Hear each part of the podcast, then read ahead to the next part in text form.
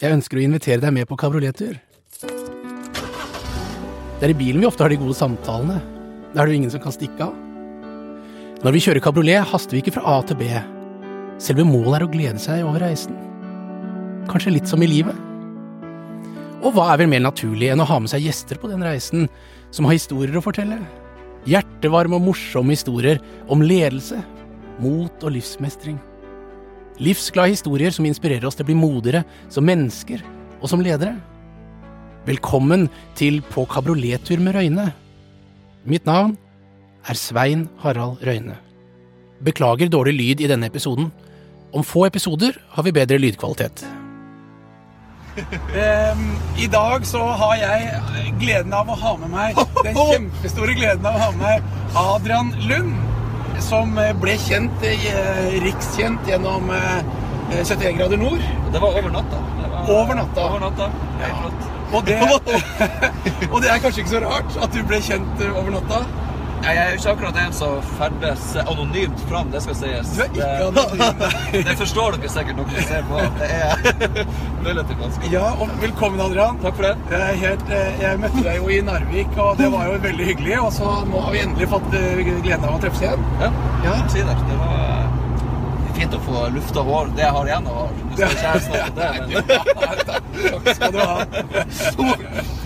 Og, og Adrian, han er jo en person som, hva skal vi si, har eh, åpnet øynene for, til omverdenen for eh, Tourettes syndrom. ja. Eh, og eh, hva skal vi si, gitt et ansikt. Eh, og eh, nå lever du av det.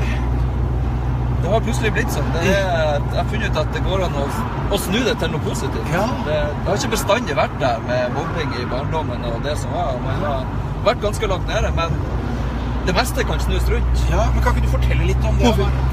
Ja, jeg kan jo først bare ta helt kort om Tourettes syndrom. Ja, ja. Er Gjerne i, i situasjoner hvor, hvor jeg føler ikke utrygg, men noen situasjoner jeg er utrygg. Ofte når jeg blir gira, kommer det mye tics. Det er bevegelse, det er armer. Jeg har sluttmunn. Den eh, fikk du senest i stad, for jeg gikk på lufta. Ja. Siste så jeg begynte å si noen eh, litt fælere ord. Og eh, er lyder og bevegelser som rett og slett egentlig ikke passer i settinga som de kommer i. Og de, de kommer oftest når, når, de, ja, når jeg ikke vil at de skal komme. Så Ja. jeg har en liten trassig toåring sittende på skulderen. Nei, ikke gjør det. Jo, jeg vil gjøre det, jeg vil gjøre det, jeg vil gjøre det. det er det sånn. Det er det det, det, er det det føles ut som? Det er det det føles ut som når jeg kjenner at de, de melder sin ankomst. Når de, de presser seg fram. De presser seg fram, ja. Så, eh, nei, så det har plutselig Det har blitt levebrød. For jeg har klart å, jeg har klart å stukke meg fram og, og tort å stikke meg fram. Ja. Og ikke sett på det som noe hindring. Nei, Du har jo hatt en oppvekst gjennom det. Hvordan, hvordan var oppveksten gjennom, eh, med, med Tourettes syndrom? Den var relativt tøff. Det var eh, mye mobbing, og jeg følte seg aldri veldig høy i hatten. Jeg var, eh, jeg var ofte Jeg fikk høre at jeg som ungdom var han som virka sjølsikker, men det var bare et skall jeg kledde på meg. Ja, ja. Og eh, man trenger ikke å skille så mye ut heller når man er ungdom for å bli mobba. Jeg var han som skilte meg ut i tillegg. ja det vil jeg Så tro. eh, det har vært, eh, vært en lang kamp for å komme hit i dag. Absolutt. Men har denne, har denne Touretten eh, blitt verre, eller, eller har det vært det samme hele veien? Eller hvordan Nei, det har utvikla seg. Det, jeg bruker å si at det, det er rundt 80% av de som har det, de, de mister det når de er ferdig med puberteten.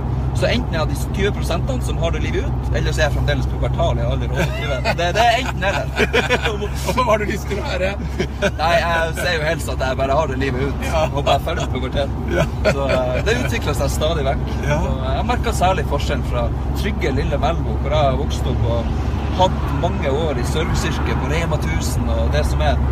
Og så kommer jeg til Trondheim, som er en stor by. Ja. Da blir jeg helt Jeg reagerte sånn på omgivelsene at jeg fungerte ikke. Halvår. Det var helt ekstremt. ja hvor, på hvilken måte? Nei, Da kom eh, ticsene. Jeg mista all kontroll, og det var roping, og fingre, og det var ikke Ja. Jeg mista kontroll, rett og slett. Så eh, Ja, Hva gjorde du da? Nei, først og fremst så måtte jeg bare, bare la det gå sin gang. Det, jeg måtte la det skje. Og etter hvert, når jeg var dypest nede, så skjønte jeg at ok, nå har jeg nådd bunnen, jeg begynner å komme opp. Jeg fikk litt hjelp hos psykolog. Ja, ja. Det trekte jeg. Noen å prate med. Og så var ikke byen så skummel som jeg hadde sett for meg at den var.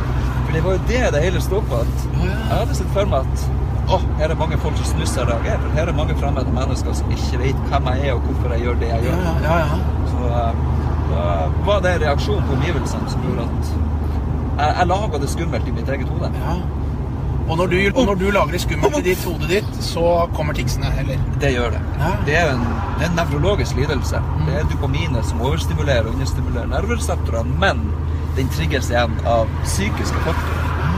Så det er psyken min som, som gjør at jeg reagerer. For jeg relaterer f.eks. til mobbinga som var tidligere. Ja. Så relaterer jeg tilbake og tenker oi, kanskje det er noen som snur seg og flirer av meg. For det sitter så dypt baki der at det blir aldri kvitt. Nei, ikke sant? Så Så mobbingen har virkelig forsterket dette. den har nok forsterka det mye. Og din negative opplevelse man opplever, det er jo gjerne sånn at én negativ opplevelse må du ha 10-20 for å oppveie den. Så Ja. den står veldig sterkt. Det er det man husker. Du har, så nå lever jo du av dette. Nå lever du av å holde foredrag om Tourettes syndrom. Men det er jo egentlig ikke Tourettes syndrom du egentlig holder om, er det det?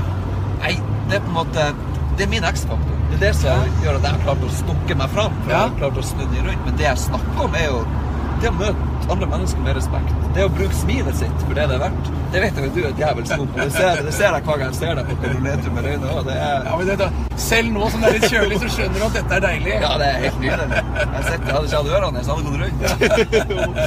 Så det er rett og slett det å, å ta livets gleder jeg snakker om, men også sette pris på nedturene. Ja, ja, ja. jeg tror, Har du ikke hatt nedturene, så vet du ikke hvordan det føles å være skikkelig på topp, du har aldri vært helt nede. Nei. Det er i hvert fall, det er mitt motto. at Sett pris på nedturene, men bruk oppturene. Ja, ikke Og, sant. og jakt, jakt mestring.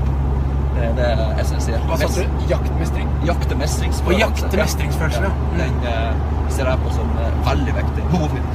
Så, Men, eh, men noe som jeg syns var veldig interessant, det var eh, når du skulle holde foredrag i, eh, i Narvik. Så sto du før scenen, før du skulle på scenen, så var det masse tics. Og, ja, ikke sant? Du, du holdt på og lagde lyder og hele greiene. Og, og folk lurte jo på I hvert fall jeg, for jeg visste ikke om deg i det hele tatt da. Ja, så dere lurte på hva i all verden. Og så kom du opp på scenen, og så var du helt rolig. Det, det, Det syns jeg var fantastisk. det er gjerne det som treffer mange òg, for vi blir veldig bitt av førsteinntrykk, vi mennesker. Vi har gjerne inntrykk av andre mennesker på 10-15 sekunder. Ja. Og førsteinntrykket du får av meg Du tenker ikke at han skal stå i 90 minutter på en scene og snakke. Nei.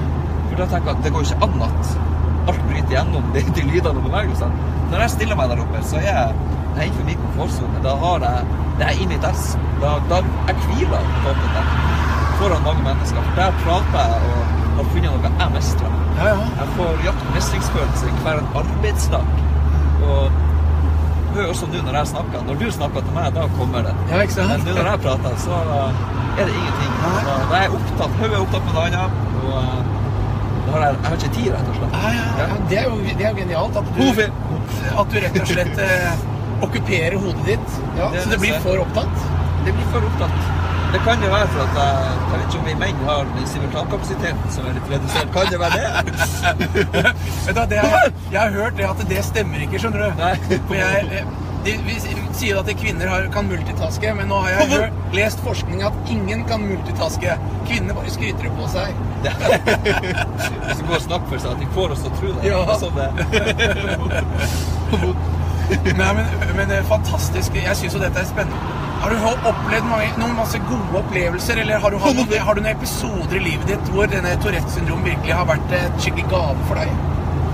Først og fremst med jobben jeg har nå, Ja. så har jo Touretten vært en kjempegavepakke. Hadde ikke jeg hatt Tourettes syndrom, så hadde ikke jeg hatt noe å prate om når jeg sto på scenen. Nei.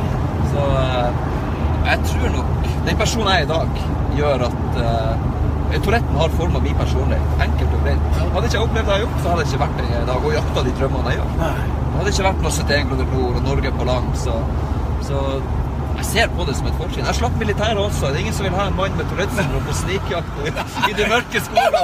Det, det funka ikke. Det, det må gå. Men det er så herlig når du bare ler av det. Og, Ja, ja. Det er, jeg tror selvironi er viktig. Det er Det er et, et viktig våpen for ja, mange. ja, ja. Det gjør eh, andre mennesker rundt meg, i hvert fall merker jeg. De senker skuldrene når, når de ser at jeg ikke tar det her så alvorlig. Det er bare Tourettes syndrom. Det, det er ikke noe verre enn det. Så eh, Men før og etter eh, For én ting jeg tenker på Vi mennesker vi frykter jo det som er annerledes generelt sett. Det liker vi jo ikke. Ja. Det er, eh, om det er eh, mennesker fra andre kulturer, eh, om det er eh, ja, Tourettes syndrom, eh, hudfarge osv. Føler du deg ensom eh, noen ganger? Som, som følge av at du har Tourettes syndrom? Du, Nei, eh, jeg har aldri kjent på det i hvert fall. At jeg føler, meg, føler meg ensom. Det er, men jeg legger merke til hvor bemerkelsesverdig få andre jeg møter på gata i hverdag som har det sånn som jeg har det. ja. Så på den måten så har jeg ikke noe relatert til hver dag med Tourette, men det er det er bra samfunn i Norge med, som samles med den diagnosen. her. Da, da er det spennende, for der sitter vi gjerne og smitter hverandre fram og tilbake når vi, når vi sitter i de rommene. Og ticsene går oh, ja, fra meg til de andre og tilbake. Men du, hvordan, Ja. hvordan, hvordan fungerte det? For det husker jeg, du, du var en gang du fortalte om at du var på en konferanse, og når du kom derfra, så hadde du plukka opp så mye at det var helt uh... Ja, da, da var det veldig mye, mye dyrelyd av den perioden. Okay. Så det var en kombinasjon av dyrehage og, eh, og en gård der jeg kom hjem. Så, Ja, ja. det var fint. Det var fint. Og så kommer det og går. Og det, jeg kan våkne opp en morgen og ha nye tics som plutselig har kommet. Og så er de borte igjen etter et par måneder. Det er veldig pussig sammensatt. Så, og særlig Nå sier jeg dessverre homofil og homse. Ja, nå sier du homofil og homo. Og det er også gjerne for at Det er kanskje det styggeste jeg kan si, og jeg sitter og tenker jeg burde jo virkelig ikke si dette nå. Ja, ja. Men da står det en trassig åring, gjerne fire-fem stykker samtidig, på skulderen og sier jo, du må si det, for det er ikke lov. Det, det er den koblinga som står ganske sterkt hos mange med Tourettes syndrom. Enkelt og greit. Ja, ja. homofil, homo. Nei, det, er, det er ganske Men det er fascinerende. Det er helt fascinerende. Det er også fascinerende at, at hjernen vår og, og, og sånn at den Hva den gjør. eh, Og, og, så har du noe litt grann andre koblinger, og så skjer det sånne ting. da. Ja, det er, Helt det er eh, veldig fascinerende.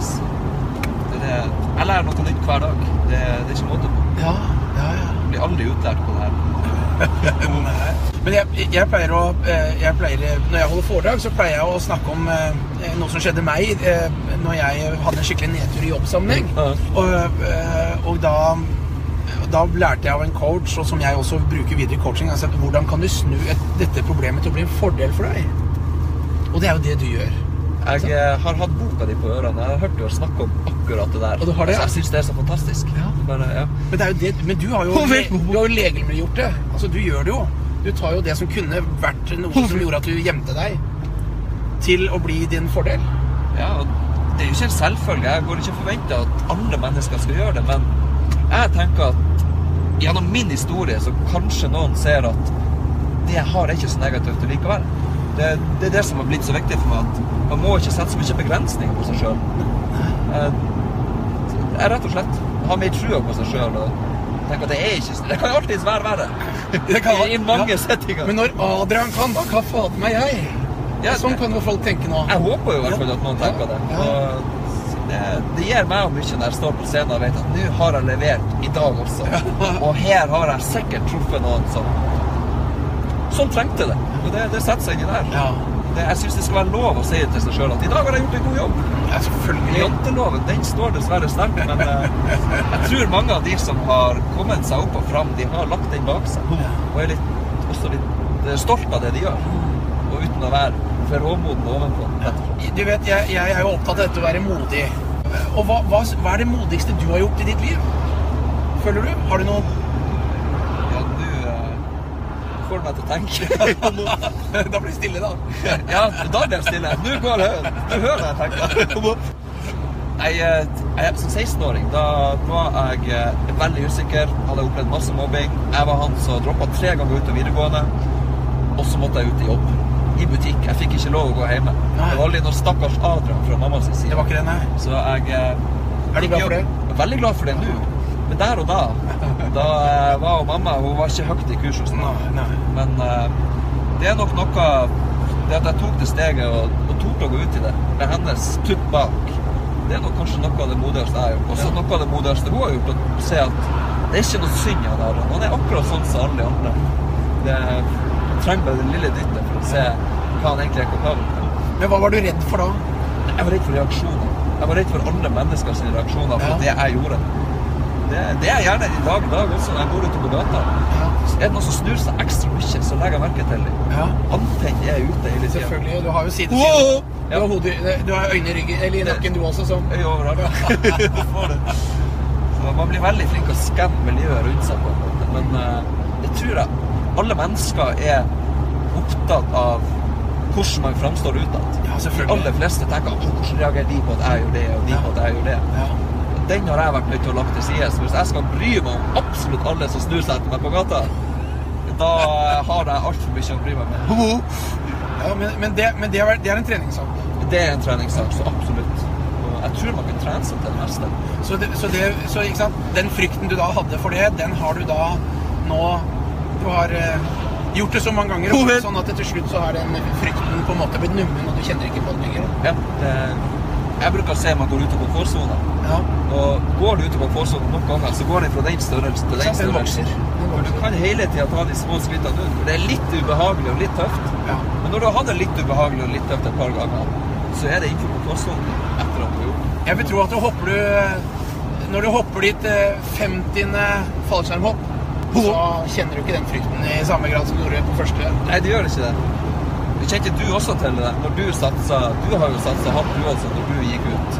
Du må jo kjenne til litt av jeg vet, jeg, ja, jeg, jeg, i aller høyeste grad. Altså, det var jo så mange ting som ikke sant? Jeg hadde masse gjeld, og jeg hadde familie som skulle forsørges og alt sammen, og så plutselig starte på bar bakke. Og, og tørre å ta det steget, det er jo i utgangspunktet masse, masse frykt. Jeg vil si at de som var modigst da, det var jo Lene, kona mi, og som, som lot meg få lov til å gjøre det. Ja, sant. Så, så det må jeg si. Eh, Men likevel så kjente jeg jo selvfølgelig på mye frykt. Klarer jeg dette? Eh, Og, så, og når det gikk dårlig eh, Eller sånn i begynnelsen, så var det jo sånn at når reservene var brukt opp, og vi ikke hadde mer penger enn å måtte selge bil og sånn for å kunne overleve, så så, så leste jeg mange, mange stillingsannonser Yes, det er- annenhver dag. Men så gikk det eh, Så gikk det, over, gikk det veldig bra etter hvert. Ja, det da Jeg tror, jeg tror kanskje der mange kommer til kort, at de, de finner alle grunner til å ikke satse. Ja. Og tenker de konsekvensutreder veien så til de grader før de tar valget. Jeg tror man må ta valget først, og så se hvor det går. ja. Det er jeg helt enig i. Og går man på trynet, så er det ikke verdens undergang. Det er kanskje det man lærer aller mest. Ja. De aller fleste mennesker, de, de, de aller fleste mennesker, de hopper jo ikke ut i det. Nei, de jeg nevnte dette i går også når jeg snakket med, med Bertha Lenderød, at uh, vi har denne, uh, denne Hjernen skal beskytte oss, så Men han, er, han går litt i dvale, og med en gang du blir nervøs eller kjenner på noe, noe uh, ja, nervøsitet Mm. når, når du nøler, da våkner hjernen. Og da bruker han fem sekunder på å våkne, i løpet av de fem sekundene, av de fem sekundene der, så, eh, så um, Det er da du har muligheten til å være modig. Og etter fem sekunder så setter hjernen nødbremsen på. Nei, stopp! Ikke sant? Og da tør du ikke gjøre det. Nei, Så, det, så bare, du må bare hoppe på det noen ganger. De aller fleste trenger å gjøre det. Ja, det, det, så, så vet jeg ikke hva det er med oss som bare hopper ut i det. Vi, vi mangler kanskje noen grenser, eller- kanskje Nei, men har du, jeg tror har du lyst nok. Det er det som Ja. Det er det du må ha. Du må ha lyst nok. Brennende ønske. Brennende ønske, ja. Du kan satse på hva du vil, men hvis, hvis du ikke har lyst til å gjøre det, da kommer du til kort. Ja, for jeg tror drivkraften Det er så vanskelig uansett hva du skal gjøre, å lykkes med det. At hvis du skal gjøre, virkelig lykkes, så må du jobbe beinhardt, men du må også ha veldig lyst. Du må like det du gjør, skikkelig godt. ikke sant? Det er ekstremt viktig. Mm. Det er jo ikke noe 8-4-jobb vi har, det vi gjør. Det, det, det er jo helt sikkert. Nei, det er åtte til ni. 8-9. Jeg starter som forlagsholder. Det er bare 8-9. Det er helt fantastisk. Ja da. Og nå, men nå, eh, nå skal du eh, I dag er det jo verdens Hva kalte du det? Verdensdagen for psykisk helse. 10. oktober. Ja. Og, og hva skal du gjøre? Hva er ditt bidrag for denne dagen? Nå har jeg leid inn til eh, et arrangement i Drøbak på verdensdagen Ja. for å snakke om For å levere ut min historie på min vei mot, eh, mot nøkkelen til suksess. God psykisk helse. Det, temaet på psykisk, eller verdensdagen for psykisk helse er jo å ha noe å glede seg til, eller noe å glede seg over. Ja. Og da prøver jeg å underbygge det ekstra godt i mitt budskap at vi har alle et eller annet vi kan glede oss til. Uansett hvor langt nede man er, så har man et eller annet der framme som man kan glede seg litt over og smile litt til. Ja. Så hva er det du gleder deg til nå? Nå gleder jeg meg til å på scenen. Ja. Nå, nå gleder jeg meg til opp og få, få fri. Bli litt tics-fri og, og, og få Det er det feedbacken når du står på scenen. Det er sånn rus når du står der oppe og du får responsen du får tilbake på det du snakker om. Og når folk ler, eller når du ser at folk tørker tårer det, det høres jo helt fælt ut, men man, man blir jo det, det, det er rus, rett og slett. Du, du får noe tilbake når du leverer ut noe. Og det er den, den mestringsfølelsen der, det er den jeg, jeg jakter Ja, mest. det, skjønner jeg veldig godt. Det Men du, du, du, gjør en, eh, du gjør en utrolig viktig jobb, og jeg husker du nevnte også Hva? om en gutt som eh, du møtte en gang, som eh, stemmer, ja. Ja, som eh, Ja. Han, om du vil nevne jeg, jeg, jeg kan ta den. Det er Sykla Norge på lands. Og da eh, møtte jeg en far og en gutt. Det viste seg at begge tilfeldigvis hadde Tourettes syndrom, først og fremst. Tenk på det, ja. Det er jo tilfeldig. Det, det er helt, det er helt enormt. Ja. Det, det var for øvrig det eneste jeg møtte som sykla samme vei som meg i løpet av de fire ukene jeg var på tur. Og han gutten han ville rett og slett sykle fra Trondheim til Lillestrøm i lag med sin far for å vise at han kunne. Han ville vise de i klassen at han kunne. Og eh, tre år etterpå bestemte han seg for å sykle Norge på lands. Og da i lag med sin pappa. Etter sine forutsetninger så ringte han meg og spurte om jeg var hjemme og ville møte meg. Han sykla Norge på lands, og han ville bare takke meg for at han møtte meg. Da var jeg 26 år, 25 år, og da, da knakk jeg i telefonen. Jeg brast i gråt. Så tenkte jeg, kan jeg bare være meg sjøl og snakke om mine erfaringer, få noen til å sette seg så sinnssykt mål som å sykle fra Nordkapp til Lindesnes, så eh, ja, det gir mye. Ja, Følelsen av å kunne inspirere noe til det, den er, den er voldsom. Veldig. Og det er mye det som driver meg, å, å kunne treffe noen i salen som trenger det. Men, men eh, nå nærmer vi oss slutten på, på, på samtalen. Men jeg tenkte, jeg tenkte Har du noen Har du noen eh, har du, ja. Rop litt mer, det blir veldig Kjør kabriolet! Vi må jo ha hender i været. Men, du, men, eh, men eh, eh, har du fått noen råd i livet ditt som du har tatt med deg, som har betydd mye for deg? Eller har du noen råd eller erfaringer som du gjerne vil dele med seerne? Som de kan ta med seg eh, i livet sitt? Jeg har, når jeg starter butikk, sikkert eh, mange av de som hører på i dag, har jobba i serviceyrket eller jobba i serviceyrket. Når jeg startet butikk, så fikk jeg beskjed om at det viktigste du gjør på jobb, Adrian, det er å smile. Uansett hvor dårlig dag du har, så er det forventa at du skal sitte i kassen og smile. For kundene skal være fornøyd når de går der. Ja, ja. Og husker jeg første tida, jeg måtte klistre på meg smilet når jeg stempla inn. Og når jeg stempla ut, så var det akkurat som bare datt ned. Og etter et år eller to så var det for meg helt naturlig å sitte i kassa og smile. For det var det jeg hadde fått beskjed om. Det hadde jeg gjort dag ut og dag inn i månedsvis og år. Fram til det plutselig ble en vane. Da våkna jeg med smil om munnen. Hadde ikke ørene vært der, så hadde det gått rundt. Da var det naturlig å, å sitte i kassen og smile til andre mennesker. Og hadde jeg en dårlig dag, da var det bare det å gå på jobb, så visste jeg at etter en time så ble det kjempebra. For der satt jeg i starten og tvinga på meg et smil, så etter hvert kom naturlig. Så smil til, til mennesker rundt deg mener jeg er viktig. Bruk det for det det er verdt.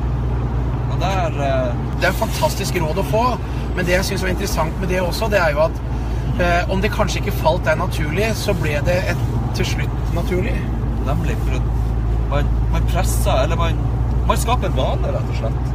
Du kan lære deg å pusse tennene med hånda som du ikke skriver med. Det kan du også lære. Det tar tre-fire uker. Du kan også lære deg å smile på nytt, vil jeg si.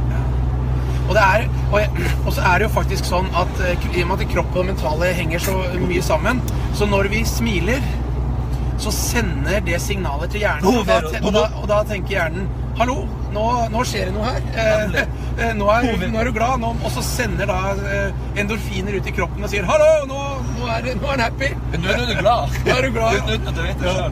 Så du kan altså fremtvinge den følelsen.